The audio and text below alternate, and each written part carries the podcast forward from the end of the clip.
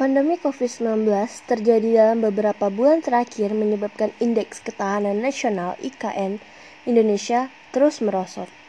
Dengan hasil pengukuran laboratorium, ketahanan nasional memperhatikan bahwa COVID-19 sangat berpengaruh pada ketahanan nasional yang terlihat dari adanya penurunan indeks ketahanan nasional dari skor 2,82 menjadi 2,70 dengan skala 1 sampai 5.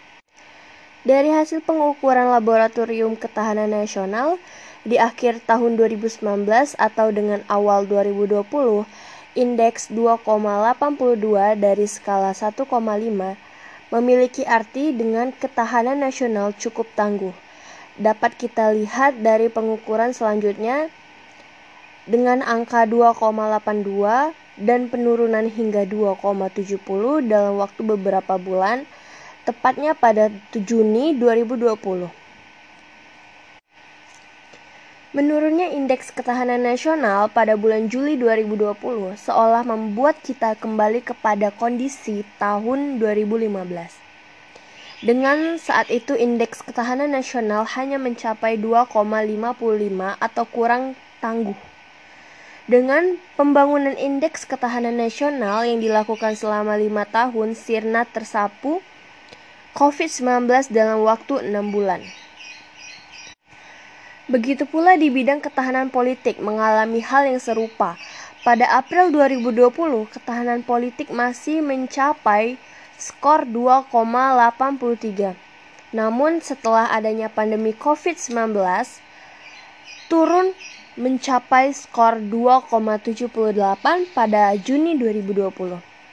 Di bidang ketahanan ideologi, hampir semua variabel juga mengalami penurunan, terutama terkait masalah toleransi, solidaritas, sosial, kebebasan, hukum, konsensus, hingga penghormatan terhadap hak dan tanggung jawab. Lalu pada 2020 bulan Desember, ketahanan ideologi nasional Indonesia mencapai skor 2,56 dan sempat naik menjadi 2,73 pada April 2020.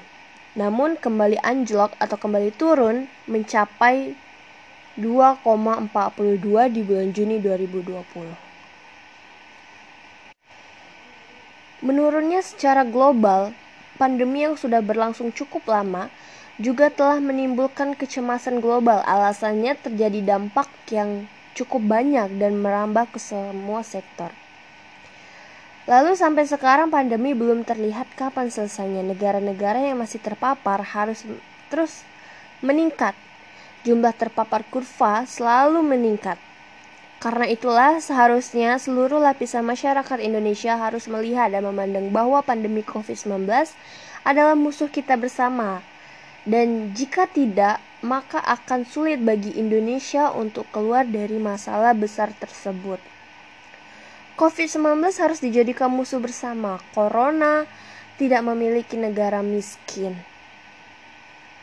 Telah memilih negara miskin, negara kaya, negara modern, negara terbelakang. Dengan vaksin masih dalam satu pengetesan uji klinis, setiap negara sudah mencari jalan masing-masing dan menghentikan pandemi ini termasuk Indonesia. Lalu beberapa bulan terakhir ini sudah ada uh, sosialisasi vaksin dengan berbagai jenis untuk mengurangi penderita COVID-19 yang terkena.